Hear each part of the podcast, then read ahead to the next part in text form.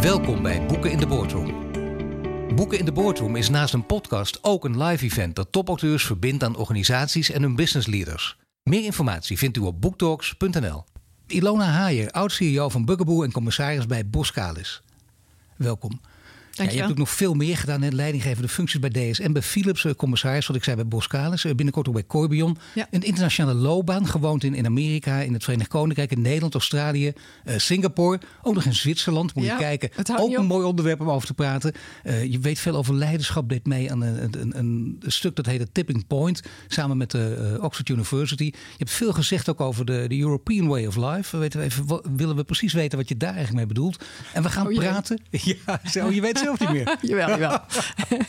En we gaan praten over, eh, we gaan praten over een, een boek wat je hebt uitgezocht. Je hebt Ja. nog geen boek geschreven. Dat gaat er misschien Nee. wel van komen, of niet? wellicht heel stiekem misschien. Daar hik ik al een tijdje Ja. tegenaan. Ehm, en het schrijven zelf vind ik nogal lastig. Dus ehm, ehm, Dat kun je gewoon overlaten aan heel veel anderen die dat minder lastig vinden. Ik denk dat ik diegene moet vinden die dat minder lastig vindt dan ik. Het boek waar je over gaat praten is het, eh, het boek De Zin van het Bestaan. De inleiding tot de Ja. logotherapie van Viktor Frankl. Daar gaan we het straks over hebben. Het is echt, vaak zeggen mensen dat dan, een geweldig boek. eh, Een diamantenboek, een, een topboek, een fantastisch boek. Maar dit is het echt. Ja, dat is het echt. Het is, een, het is een, een klein boekje als je het ziet. Maar je doet er best lang over om het te lezen. Het heeft een hele hoge dichtheid en heel veel om over na te denken. Het is ongeveer 150 pagina's. Het is, het is inderdaad een boek wat je voortdurend wil herlezen. En ik heb Ja. het ook heel langzaam, langzaam aandachtig gelezen. Want dat moet echt bij dit boek. Ja, helemaal. Dat wil je ook. Ja, ik heb er heel veel ezelsoor in zitten. Ik heb allerlei dingen eh gehighlight, onderstreept. En het, eh, het loopt eigenlijk al jaren met me mee. Het boek gaat over betekenis geven in het leven. Dus heel belangrijk. Dus ook het onderdeel uiteindelijk van de therapie geworden van Frankl, waar hij ook Ja. over schrijft in het boek. Daar gaan we straks uitgebreider over in. Maar jij wist het al vrij jong, denk ik. Of niet? Dat je enige betekenis aan je leven wilde geven. Of ging je zomaar wat doen toen je jaar of 18, 19 was? Ik, volgens mij alle twee, grappig genoeg. Ik denk dat ik ehm, eh, altijd een enorme ehm, drive heb gehad. En in allerlei testen die je zo in je carrière moet doen, kwam steeds naar voren dat ik een zest voor life heb en een voorwaartse energie. Nou, Zo, dat heb ik al heel snel gevoeld. dat maar zat in de genen. dat zat in de genen. Mag ik weten, wat deden je ouders of doen je ouders? Nou, eh, ik kom van eh, wat je noemt eenvoudige komaf. Mijn eh, twee families zijn boerenfamilies. Ik was de eerste ook die naar universiteit ben gegaan. Mijn moeder was eh, huisvrouw totdat mijn ouders gingen scheiden. Toen is ze voor zichzelf begonnen. Zonder overigens afgemaakte opleiding of werkervaring. En mijn vader werkte altijd op scholen als, eh, als schoolmeester of directeur. En ze hebben je wel eh, gestimuleerd ook in, in, in die ambitie die je had. Met die enorme energie daarbij. Ja, in zoverre dat ik ehm, eigenlijk heel creatief was. Dus ik ehm, ehm, wilde ook stiekem naar de kunstacademie. Nou, die stimulans was er niet. Eh, het, het ging veel meer omdat ik ook goede cijfers eh, had. En eh, ja, zeg maar een linker en een rechter hersenhelft schijn te hebben... die beide goed functioneren, werd ik gestimuleerd om te gaan studeren. En om... Ik werd heel vrijgelaten. Dus van jongs af aan was ik al heel internationaal georiënteerd voor internet, degene die zich dat nog heugen, had je van het hele dunne briefpapier waarmee je internationale post eh, kon versturen. Ja, daar ben ik te jong voor. Maar ik, ik weet, Ja, hoor dat- wel van dat mensen zal, dat... eh, ja, dat heeft ooit bestaan. En toen ik 12, 13 was, ging ik schrijven met, eh, met vriendjes en vriendinnetjes over de hele wereld. Dus een drive, een blik naar buiten. Eh, ja, dat heb ik altijd wel gekend. Maar geweldig ook ooit naar de kunstacademie gewild. Ja. En dan in het bedrijfsleven Ja. erin. Helemaal een fantastische combinatie natuurlijk. Want dat vergeet je nooit. Dan heb je in, inderdaad in beide eh, aandachtsvelden interesse ook. Ja, en het grappige daarvan is weer dat ik, ehm, omdat ik ook niet uit, tenminste zo zie ik het nu, uit een gezin kwam wat, wat ook maar iets van het bedrijfsleven wist. Ik daar dus met een soort van eh, onwetendheid en ook een soort blissful ignorance af en toe maar in ben gestapt. Dus ik zag geen pad, laat staan beren op een weg. Ehm, ben ik dat maar gaan doen en heb ik eerst ontzettend geleund op mijn zeg maar, analytische kant. En pas toen ik eh, wat verder kwam, wat ouder werd, wat hoger kwam, eh, durfde ik, dat is eigenlijk wel het woord, pas ook echt te gaan leunen op mijn andere kant. En nu combineer ik Meer lef veel dus. meer. Meer lef Ja. Meer risico nemen letterlijk. Nou, het, het meer durven als in... ik weet nu een beetje hoe deze wereld in elkaar steekt... en nu kan ik mijn eigen koers gaan varen. Zoiets. Nou, laten we, we kunnen er heel veel uitpikken natuurlijk. Hè? Maar dan, dan wordt dit een podcast van twee uur. Dat Ja. komt misschien nog een andere keer. Maar laten we bijvoorbeeld eh, jouw leidinggevende functie bij DSM eruit pikken. Want dat is heel typerend. Het heeft ook veel te maken met het boek waar we zo over gaan praten. Ja, Ja, ja ik ben ehm, een kleine acht jaar werkzaam geweest bij DSM. En ehm, nou, als je het hebt over een bedrijf of bedrijven of leiders, zoals een Paul Polman, is er ook een Fijke Siebesma uh, die toch staan voor een, uh, een sustainable wereld. Hè, die beide verklaren hoe kun je als bedrijf succesvol zijn in een wereld die niet succesvol is. Um, en dus als je het hebt over purpose en meaning, waar Victor Frankls boek natuurlijk ook heel erg over gaat, heb ik bij een bedrijf gezeten uh, wat, wat daar als bedrijf en zeker uh, Fijke Siebesma als leider heel erg mee bezig was. Op dat moment uh, werd ik een van de vijf wereldwijde divisiedirecteuren van DSM. Overigens ook de eerste vrouw. Die mag ik er ook nog wel even dat bij zeggen. Dat wordt ook overal benadrukt. ja. Ook de eerste vrouw, ja zeker. Ja, ja, ja. dat is toch helaas nog steeds vaak zo voor vrouwen. Um, um, maar een van de vijf mensen in die zin die uh, dus zeg maar de winst- en verliesrekening van DSM uh, onder, uh, onder verantwoordelijkheid hadden.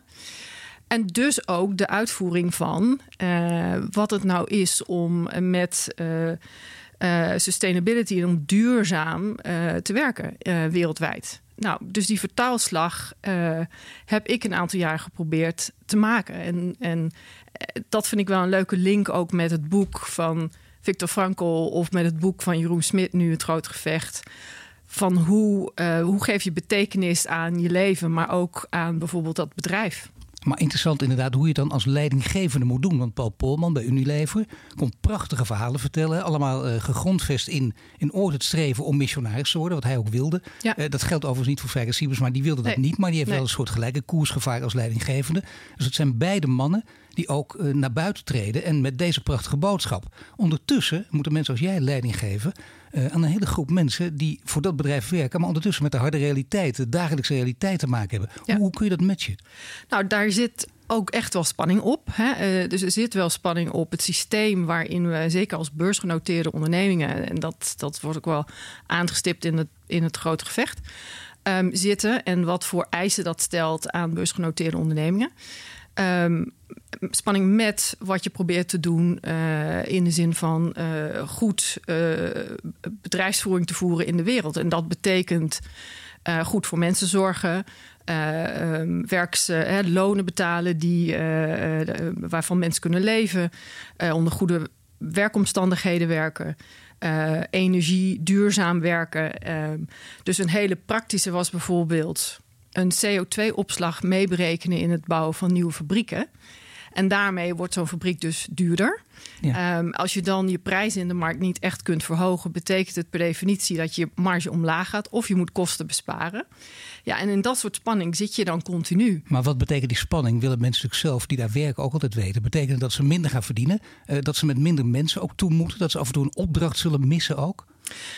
Dat, kan gebeuren, maar ik denk waar je moet beginnen is eerst met de why. Dus je begint echt eerst met die, dat betekenisvolle van wat je dat grotere eigenlijk, van wat je probeert te bereiken. Dat grotere naast winst maken. Niet in plaats van, maar naast winst maken. En dat heb ik bijvoorbeeld in mijn divisie destijds ook heel erg geprobeerd. Wij zijn toen gegaan naar een missie dat heette Enabling Better Foods for Everyone. Dat klinkt uh, als een slogan, maar daar, dat hebben we stukje voor stukje opgebouwd. Voor elk woord was er, waar staan we dan voor? Wat maar betekent als je stukje voor stukje opbouwt, betekent dat dat je dat opbouwt met de mensen waar je het voor doet, de mensen ja. waar jij leiding aan geeft? Ja. Want soms zie je dat, dat is echt een hele belangrijke les. Hè. Je ziet dat mensen dat heel vaak uh, in de boardroom opeens aan hun mensen vertellen na drie maanden. Zij zijn heel enthousiast, hebben het helemaal uitgedacht. En ze schrikken bijna van de mensen op de vloer, dus aanhalingstekens, die, die nog niet zo enthousiast zijn. Nee, niet zo gek, want die horen dat net. Maar jouw les is dus vanaf de eerste dag meenemen. Ja, ik vind dat cruciaal. Ik, ik vind als je, als je, als je zoiets wilt bereiken, of, of wat dan ook, wat, wat groter is. Um, dan zijn er drie dingen die je moet doen. Eén, waarom doe je dit en wat wil je bereiken? Maar dat zul je met elkaar moeten definiëren. Nou, met elkaar in een bedrijf uh, van duizenden mensen over de hele wereld is niet zo dat alle duizenden mensen er vanaf het begin doorheen gaan, maar wel meerdere lagen. Dat vind ik echt cruciaal. En dat klinkt voor sommigen wat trager, maar als je die aanloop neemt, ja, dan ben ik ervan overtuigd dat zeg maar to slow down is to accelerate. Als je dat doet, dan ga je daarna tienmaal sneller. Ik denk dat het tweede is dus dan het team formeren wat met z'n allen in al zijn diversiteit, want daar geloof ik ook in, dit kan ja. dragen en dit kan doen. En dan is ten derde de opdracht van de leider dan nog om te zorgen dat je zoveel mogelijk uit die mensen haalt, die richting uit. En dat, dat accommodeert, daar het pad voor vrij maakt, uit de weg stapt als jij in de weg staat. Ja. Ehm, en, maar, maar in mijn boek zijn dat de drie grootste elementen. Maar het begint wel met die. Maar waarom dan? Want dan kun je soms ook beslissingen nemen. Of die hoef jij niet meer te nemen. Want dat doen mensen zelf wel. En dan vinden ze ook niet zo gek als je Nee. het over een roeping hebt, of een Nee. maatschappelijke opdracht, of over purpose hebt. Want dan begrijpen ze ook iets duidelijker wat je bedoelt. Kijk, het aardige is bij Jeroen Smit en in zijn boek over Polman, Het Grote Gevecht, daar gaat het ook over een, een man die, die kritisch is. Een van de leidinggevenden die kritisch is op Polman. En die zegt nog een beetje cynische. Maar ik vond deze zin wel mooi. Zegt hij, ja, eh, Helmans eh, mayonaise moeten we verkopen. Dan heeft hij het over roeping. Ja. Kijk, en dat staat schil tegenover elkaar je inderdaad mensen niet vanaf de eerste dag meeneemt.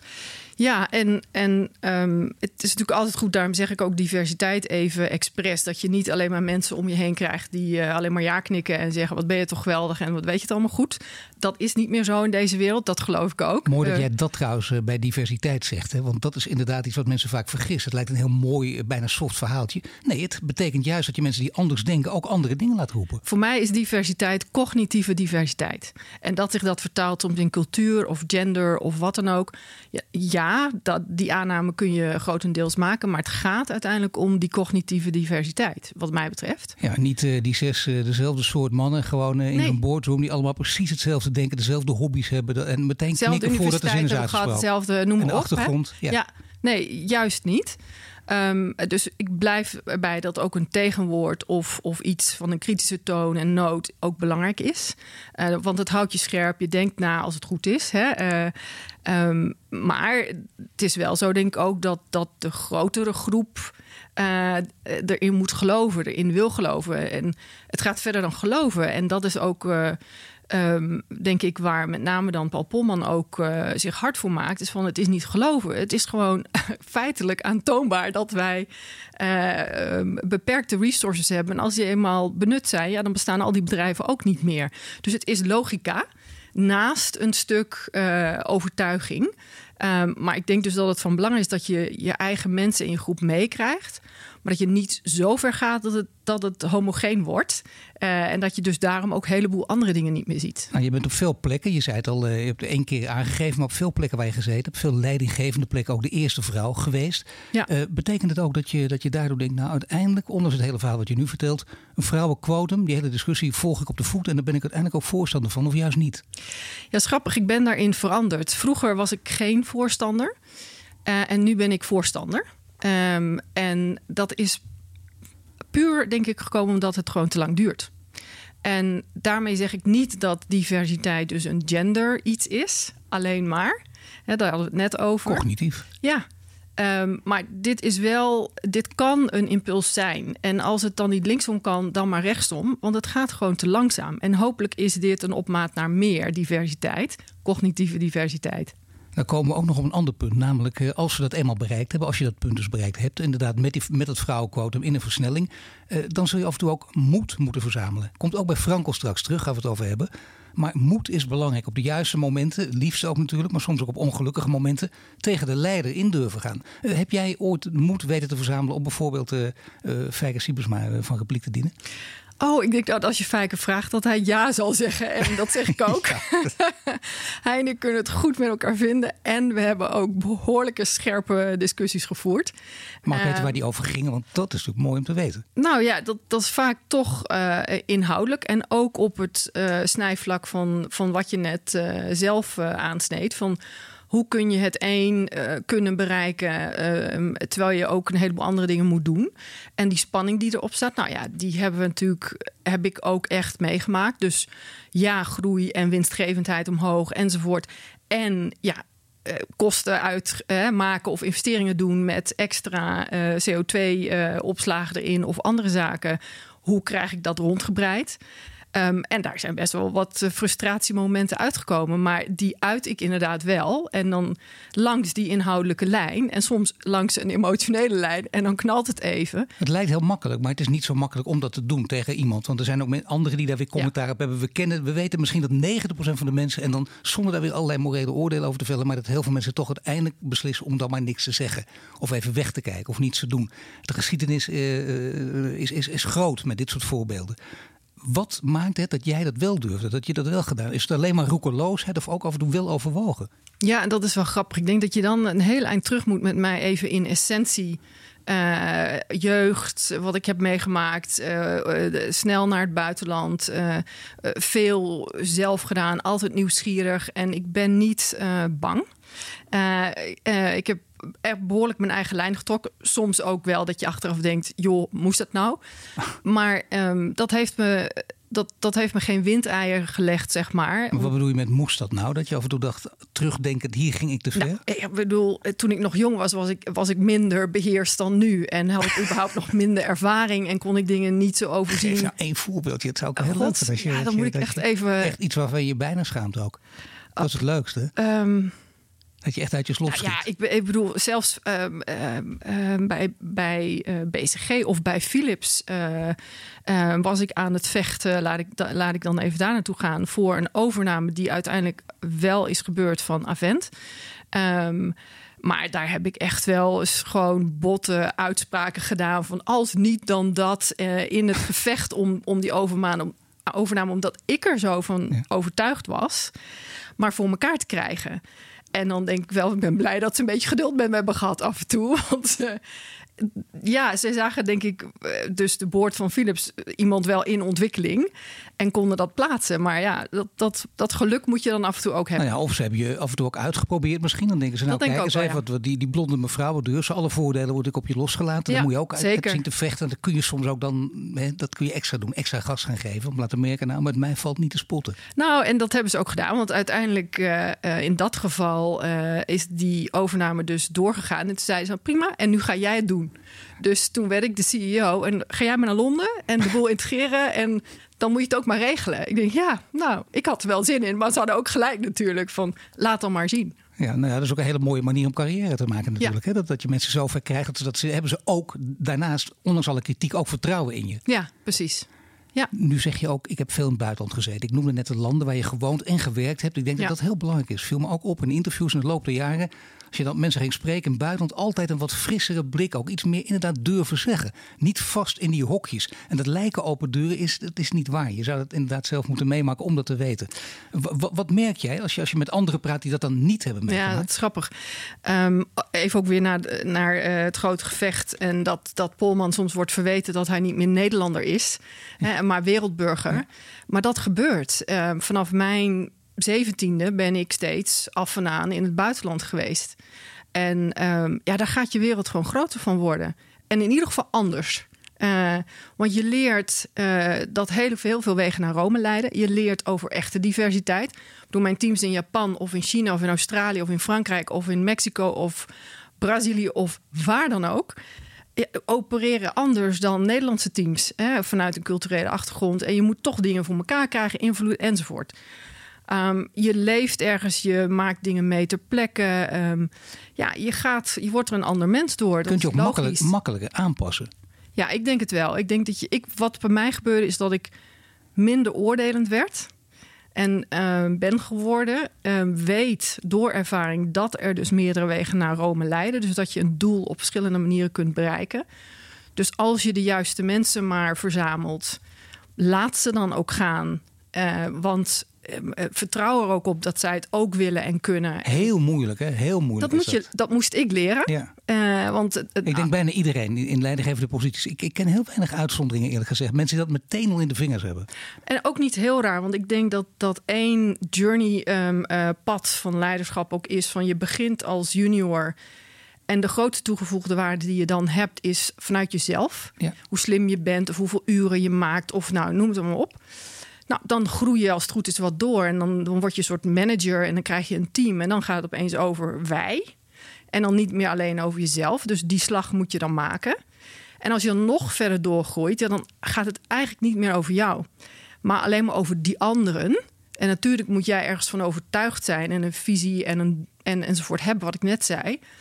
Maar dan moet je de slag maken om, om, te, om je te realiseren dat het gaat om die anderen. Dat is de hefboom. En zij moeten weer verder met een hefboom. Um, maar die slagen maakt niet iedereen, denk ik.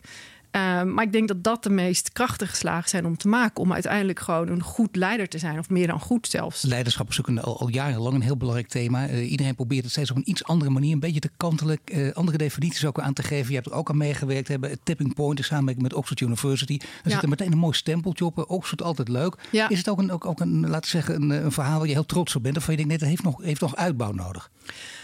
Ik denk, ik ben heel trots op het verhaal, omdat in essentie daarin staat dat uh, naast inhoud, hè, kennis van industrie en het bedrijf en, en, en dat soort zaken. Het gaat denk ik in deze tijd waar meer en meer moeilijk is om te voorspellen waar de wereld naartoe gaat. Nou, zie nu vandaag, hè, coronavirus, noem maar op waarin het sneller gaat, waarin het niet meer lineair gaat, maar exponentieel, waarin we met klimaat, met ongelijkheid, met milieu, met nou, noem het allemaal op AI te maken hebben, heb je niet meer het vermogen als één leider of als een groepje leiders alles te kunnen of te weten. Ehm, dus um, de essentie van dat stuk is dat het begint bij kennis over jezelf. En dan gaan we ook een beetje naar Viktor Frankl. Dat is van ken je jezelf goed genoeg om te weten waar je voor staat? wat je normen en waarden zijn, wat je echt wilt bereiken. Um, om ook in die zin je ego niet in de weg te laten zitten. Om zoveel mogelijk te bereiken door anderen heen. Nou, dan zeg je nou een hoop interessante dingen twee zinnen tegelijk. Nou. Inderdaad. En je maakt zelf ook al het bruggetje naar het boek. Heel goed. Ik kan net zo goed weglopen. Dat heeft eigenlijk geen zin ook om hier nog te staan. Dat is eigenlijk een beetje hinderlijk ook, uh, eerlijk gezegd.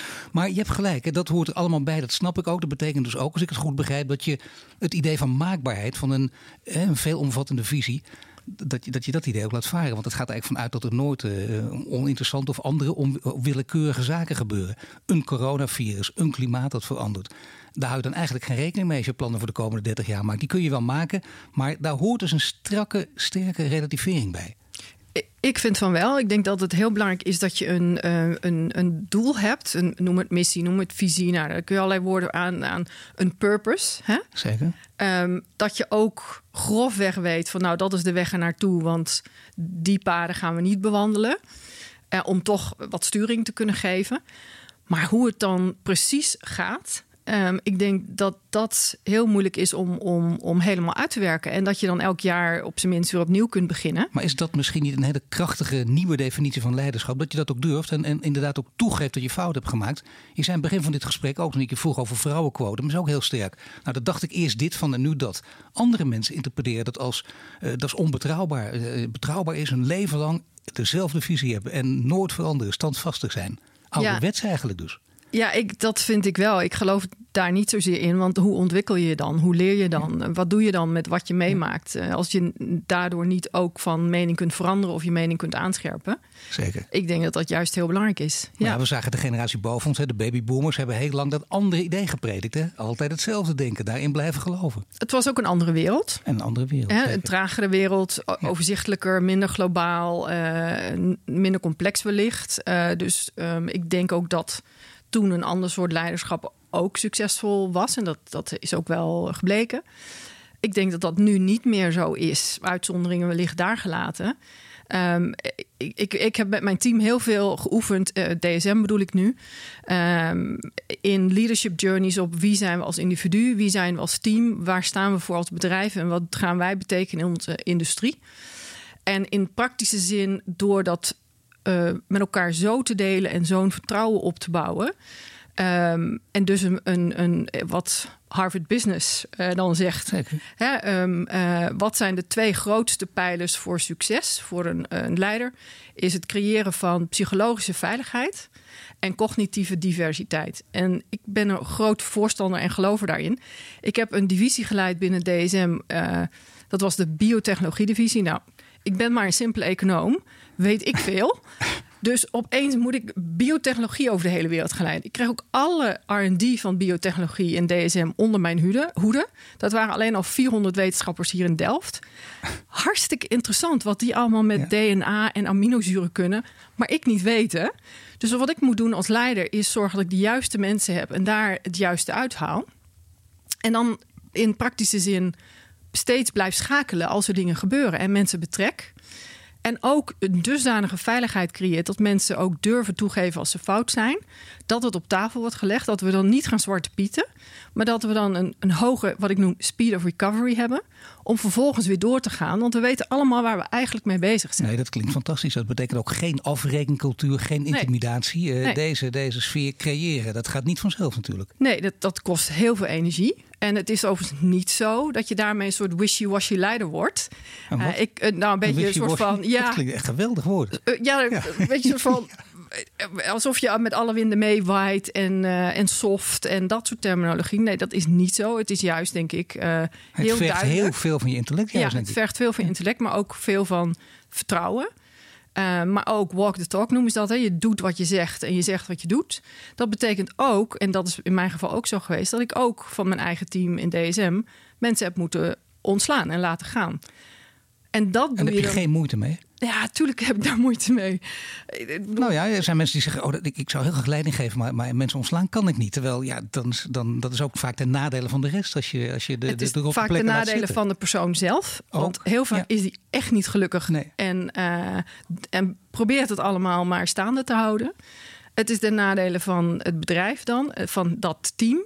Van het team waar die persoon in zit. Van mij, als ik probeer ook iets te bereiken.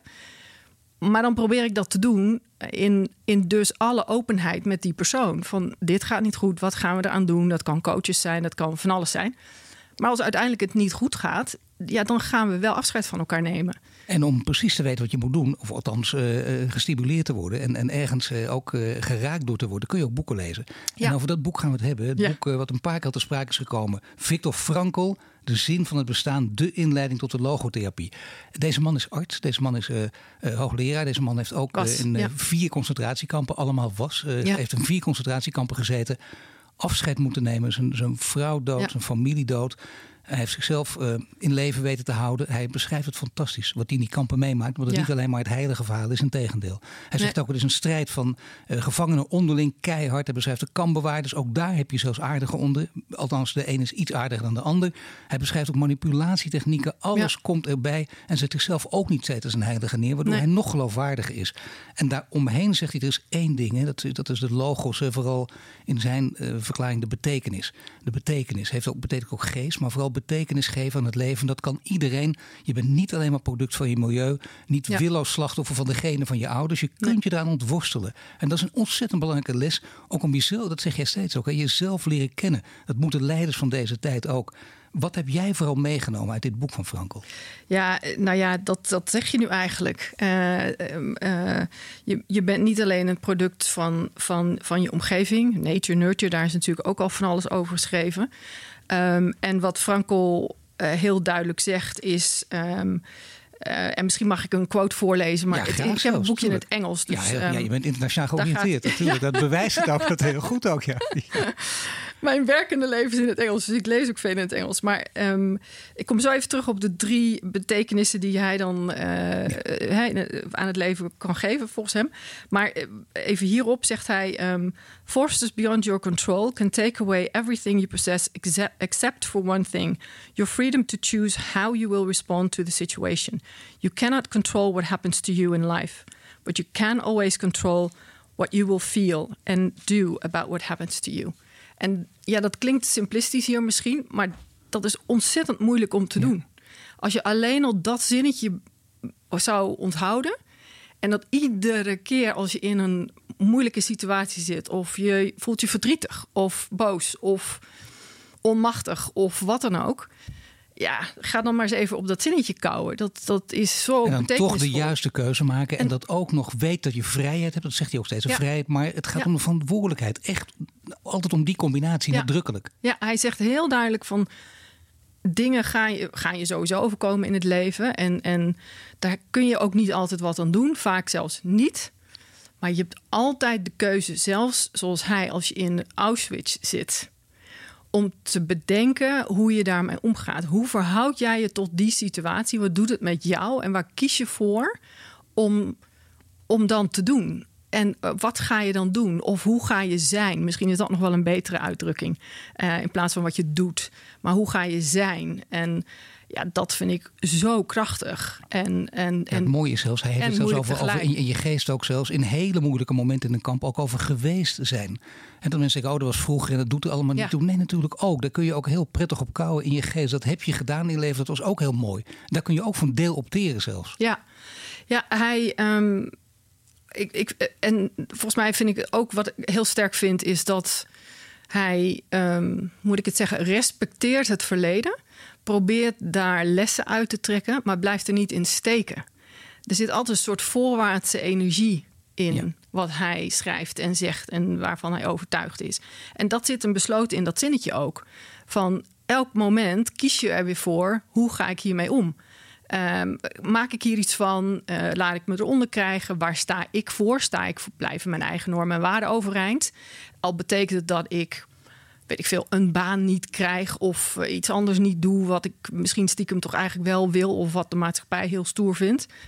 Nou, dat, dat, dat vind ik heel erg krachtig. En dat is ja, echt, echt hoe ik probeer mijn leven te leiden. En dat mislukt heel vaak ook wel. Ja. Maar het, het, het is wel een, een leidraad voor mij die, die ik al jaren probeer te hanteren. Ja, het is ook enige standvastigheid. Ik zeg maar nadruk ook enige. Hè? Omdat je probeert wel degelijk flexibel. Niet wishy-washy, maar wel wat is een ander verhaal. Ja. Maar, maar wel flexibel te blijven. Ja. Dat kan niet anders. Want je doet weer nieuwe kennis op. En dan Ja, kun je, precies. als je dat maar uitlegt en zegt waarom. Maar dus ook keuzes maken die inderdaad tegen de stroom ingaan. Staat jou bij wanneer je echt een, een duidelijke keuze maakt tegen de stroom in? Ehm, Nou, dat vraagt u wat, meneer. ja, precies. Ja, dat, is, dat gebeurt natuurlijk wel. Maar dat Ja. is, ja, om dat nou even. Maar om dat even, eh, even echt boven te halen. ehm, ja, eh, er zijn wel eh, grote werkgerelateerde. eh, Nou, het begon ook al denk ik met je studie. Hè? Dat, je, dat je, je had natuurlijk kunnen kiezen voor de kunstacademie. Nou, ik denk dat dat een hele goede is. Dat, dat ehm, ik, ik toen ik jonger was en op die leeftijd, ik ben na mijn middelbare school ook eerst een jaar naar het buitenland geweest van een um, uitwisselingsprogramma. Kwam ik op high school in Los Angeles terecht, meisje uit Groningen. Nou, dat was even een nieuwe wereld. ja. Ehm, ik was wel in New York geweest, maar, maar toch voor een jaar. Eh, en dat deed ik ook omdat ik eigenlijk niet wist wat ik dan wel wilde als ik niet iets in de design of kunst of industrieel vormgeven of zo eh, zou gaan doen. En ehm, dat wist ik eigenlijk ook nog steeds niet toen ik terugkwam. En ben ik dus maar economie gaan studeren, een soort rechtenstudie. Uh, excuus voor degene die ook dat hebben gestudeerd. Nee, maar daar kun je alle kanten mee daar op. kun je nog is- alle ja, kanten mee op, idee. Niet omdat ik daar nu zo gepassioneerd over was. En ik heb vaker gedacht in mijn leven: hmm, had ik niet toch toen voor mijn innerlijke passie moeten kiezen? En ehm, nu ben ik ergens dat ik denk: nee, ergens klopte dit pad voor mij. Ehm, want er komen een hele hoop dingen nu bij elkaar. Want dat kunstacademie of, of was niet alleen een esthetisch of creërend gebeuren. En kunst is overigens altijd een onderdeel van mijn leven gebleven, nog steeds. Maar ehm, eh, ook een manier van denken en een manier van benaderen van situaties. eh, wat nu voor mij ontzettend, denk ik, mooi en goed, voor mij prettig samenkomt Dus ook in wat ik doe. creatief denken. Althans, Ja. in ieder geval, dit, dit is inderdaad tegen de stroom in durven denken. patronen herkennen, associatief denken. Ik denk dat dat in deze wereld alleen maar belangrijk wordt. Dat je een linker hersenhelft hebt die genoeg ontwikkeld is eh, om intellectueel een aantal dingen echt aan te kunnen. Uh, maar dat zal, nou misschien uitzonderingen daar gelaten, maar ik denk niet eens meer zo groot kunnen zijn of hoog kunnen zijn dat je heel veel aan kunt. Overigens, Harvard heeft ook al vaker aangegeven: een IQ boven 130, dan ben je geen goed leider meer. Dan wordt het lastig. Dan word je zo specialist en, en dan kun je niet meer divergeren. Dan, dan ben je heel, uh, heb je een soort tunnelvisie. Oh, dat is lastig. Ik had je boven de 130 gezet bij IQ, nou maar ja, dat is geen heb ik compliment. gedaan dan. ook, maar dat zal, dat zal dan wel niet en dat Nee. hoeft ook niet. Um, maar, eh, dus dat, maar een, minimale intelligentie is nodig, om het dan maar zo uit te drukken. Maar in deze steeds uh, uh, onvoorspelbare wereld is denk ik steeds belangrijker dat je snel patronen herkent, trends herkent, weet hoe je dan moet schaken. Oké, welke combinaties van mensen of kennis of kunnen moet ik dan nu hebben? En ja, ik geloof daar wel in. En ik heb het idee dat daar het voor mij wel een beetje uh, samenkomt. Nou, het heel mooi dat je dit zegt. Want natuurlijk zal iedereen zeggen: wat is belangrijk in deze tijd? Data, data, data. Dat is waar natuurlijk. Hè? Dat ga je niet ontkennen. Dat is heel belangrijk. Nee, maar ja. dat gezegd hebben, daarbij komt Wat dus doe je ook, ermee? ook dit bij. Wat doe je ermee? En dan is het heel, heel nuttig als je inderdaad ook de wereld van de kunsten een beetje hebt eh, bestudeerd en bekeken. Ja, ik denk dus dat mensen met dat soort uh, mogelijkheden. Ehm, heel veel waarde kunnen toevoegen, ook aan bedrijven. Ehm, eh, omdat ze gewoon toch op een andere manier denken en minder misschien analytisch lineair, stap 1 tot met 10. En meer, ja, maar wacht even, als ik deze drie kleuren nou bij, bij elkaar pak, of die signalen, wat betekent dat dan? En vragen kunnen stellen op zijn minst, die prikkelend kunnen zijn. Nu zegt, uh, zegt Frankl in zijn boek ook... een van de grote gevaren die ons bedreigt is, uh, is innerlijke leegte. Geen bestaanszin letterlijk hebben. Ja. En, en we hebben het daar nadrukkelijk natuurlijk wel over. Hè? Ook Ja. in, in zijn geest. Het is heel belangrijk om bestaanszin te hebben. Dat wil zeggen, zoals jij eigenlijk aangaf... plannen maken, vooruit kunnen kijken. Dat geeft ook energie. Eh. Maak een plan voor de komende vijf jaar. Wat is je doel wat je hebt? En voor de duidelijkheid dan, dat hoeft niet per se een hoog verheven doel te zijn. Niet, ik ga de wereld veroveren. Dat Nee. mag, maar dat hoeft niet per se. Ja, nou, een paar dingen daarover wat mij betreft. Ik, dat vind ik ook het mooie van Frankel. Dat hij zegt van nou, het is niet zo dat dit nu in, in, in beton gegoten is... en dat dit dus de rest van je leven is. Het hoeft dus ook niet zo te zijn dat je één grote passie in je leven hebt. Dus voor al die mensen die daar stress van krijgen... omdat ze dat niet hebben, niet doen. Het kan best zijn dat het verschillende dingen zijn. Ehm, eh, maar het is wel iets heel erg verinnerlijks, heb ik het idee... bij eh, wat Frankel zegt. En, en ik geloof ook dat daar de grootste energie in zit. Hè? En als je dan bijvoorbeeld naar een Polman kijkt, ja, eh, dat is zo'n verinnerlijkte overtuiging bij Paul Polman dat, dat het gewoon niet kan dat wij op deze manier op deze planeet eh, leven en met de planeet omgaan en dat het grote bedrijfsleven daar een speler in is, een actor in is, om daar dus ook beter mee om te gaan. Dat is niet een vijfjarenplan. Dat is een verinnerlijking van een overtuiging eh, waar een energie uitkomt. Hoe hard die man heeft gewerkt in de tijd dat hij CEO was van Unilever is ongelooflijk. Dat is gewoon onvoorstelbaar. En dat kan volgens mij alleen maar zonder jezelf volstrekt uit te hollen. Eh, want het is al topsport. Als je zo'n vuur hebt en eh, als je dat kunt aan kunt raken, wat het ook is voor je. Ja, dan denk ik dat je met heel veel energie bezig bent. En dat dat de wereld, hoe klein of hoe groot je die ook definieert, heel veel kan brengen. Ja, en daar hoort wel één ding bij. Want dat, dat, is, eh, dat, dat merk je vooral door het boek heen eh, van, van Jeroen Smit, Het Grote Gevechten. Bijna ook een rode, een rode draadje, moet ik zeggen. Maar het gaat over als je die hele grote roeping hebt, die enorme roeping. En, en daar ga je volledig voor, daar doe je alles voor. Moet je ook oppassen dat je niet saai en serieus wordt. Hè? Dat, dat word je als je alleen maar een roeping hebt. Want dan ben je inderdaad die moraliserende eh, missionaris. Niet meer denkt aan, aan intellectuele eh, genoegens. Of, of, of eh, bijvoorbeeld esthetische genoegens. Waar, waar, waar Frankel het over heeft. Ja. Een beetje humor kan geen kwaad met andere Nee, woorden. dat zeker. Ja, ja, ja. dus ik, ik ehm, heb het plezier gehad om, om Paul Polman een paar keer mee te maken. En eh, hij kan heel serieus en, en um, als missionaris optreden. Ik denk dat hij eh, ook heel veel humor heeft. En juist ook iemand is die van bijvoorbeeld heel veel muziek en, en alles kan genieten. Als link met, met Frankel. Ik zou zeggen, een, een, een ander punt erbij is als je zo'n sterke drive hebt en zo groot bent. ehm, pas op dat je niet je mensen verliest. Eh, dus je kunt het wel uitdragen, maar je moet connecten. Eh, zodat dus daar die hefboom gaat werken en mensen het begrijpen, het ook willen en dan vanuit zichzelf in beweging komen. En dus een kleine kritiek op, op eh, Paul Polman, maar ook niet helemaal zelf bedacht. Want als je het boek Het Grote Ja, Gevecht leest, zeker. dan komt dat er wel uit. Is dat hij, eh, en dat zegt hij ook een klein beetje zelf aan het eind op zijn afscheidsspeeches, zegt hij ook van ja, alleen ga je heel snel, maar met velen kom je verder. En ik denk dat dat een uitdaging is voor veel leiders die ergens zo van overtuigd zijn, of voor wie dan ook, eh, waar dan ook over, dat je af en toe wel even achterom kijkt van, ga, is iedereen erbij? En, eh, en, en niet ehm, ehm, mensen die je eigenlijk nodig hebt kwijtraakt. En dan de, de, de les, eh, een van de vele lessen uit het boek van Frankel is: maak een plan voor de komende jaren. Wat is jouw plan voor de komende vijf jaar? Oh ja, kijk, daar ben ik dan weer iets minder goed in. Ach ja. ja nee, nee. maar dat mag ook van Frankel. hè? Ehm, ik, ik, ik, ben eigenlijk nooit iemand geweest die exact soort van... nou, ik ga nu dit vijf jaar doen en dan dat drie jaar en dat twee jaar niet. Maar ik merk wel een duidelijke koers bij mezelf. En, ehm, en over dan over nu te spreken... aangezien ik ook net recentelijk bij Bukkeboe ben gestopt... eh, zit ik nu en vorig jaar 50 ben geworden. Dat is ook zo'n mijlpaal. Zeker. Ehm, een fijne mijlpaal? Of ja, juist? ja, ik niet, vind hem niet zo erg. Minder fijn dan 40, moet ik ook toegeven. maar ehm, bij mij is nu aan de orde... ehm, eh, hoe ga ik dat meaningful verder vormgeven? En er zijn een aantal thema's die ik eh, eh, belangrijk vind. Met name als toezichthouder? Als mens en vertaald in, in werkende of anderszins activiteiten. Het kan zijn als toezichthouder, ja. Eh, dus daar heb ik voor mezelf een soort eh, criteriumlijstje voor opgesteld nu. Van waar moet het voor mij aan voldoen? Ehm, ook als eventueel actieve executive, maar ook met een aantal activiteiten in stichtingvorm of anders eh, daarnaast. Dus ik ben voor mijn gevoel nu de komende paar jaar ga ik, ga ik die draai veel duidelijker maken om ook eh, een, een, een, een force for good in de wereld te zijn. Ehm, eh, nog meer of voor het eerst, iedereen mag daar zijn oordeel over vellen, ehm, nog meer dan ik ben geweest. Nou, mag ik even heel erg wijzen dan? Ik denk ook, en het zit er ook in, hè, Ilona, sowieso dankjewel voor dit gesprek, maar dat Ja. zit er ook in. Eh, ik denk, dit is een vrouw met een boek. En als je dan toch zo invloedrijk wil zijn, dan hoort daar natuurlijk ook een boek bij.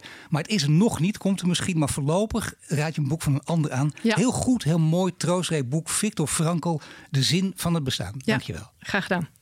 Boeken in de Boardroom is naast een podcast ook een live event dat topauteurs verbindt aan organisaties en hun business leaders. Het programma is inpasbaar binnen opleidingstrajecten, HRM of evenementen. Meer informatie vindt u op booktalks.nl.